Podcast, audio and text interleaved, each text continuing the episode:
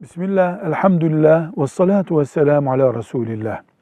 allah Teala'nın bizden yapmamızı istediği ibadetler ana hatlarıyla bedenimizle yapılır. Namazı bedenimizle yapıyoruz.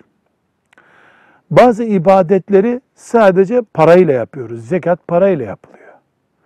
Bazı ibadetlerle de para ve beden birleşiyor. Hac mesela. Hac hem para gerektiriyor hem beden aktivitesi gerektiriyor.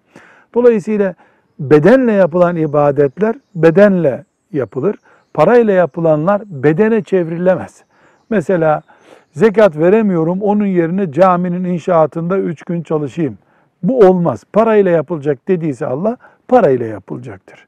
Hac ibadetinde, namazda, e, zekatta, bütün ibadetlerde bu kural geçerlidir. Velhamdülillahi Rabbil Alemin.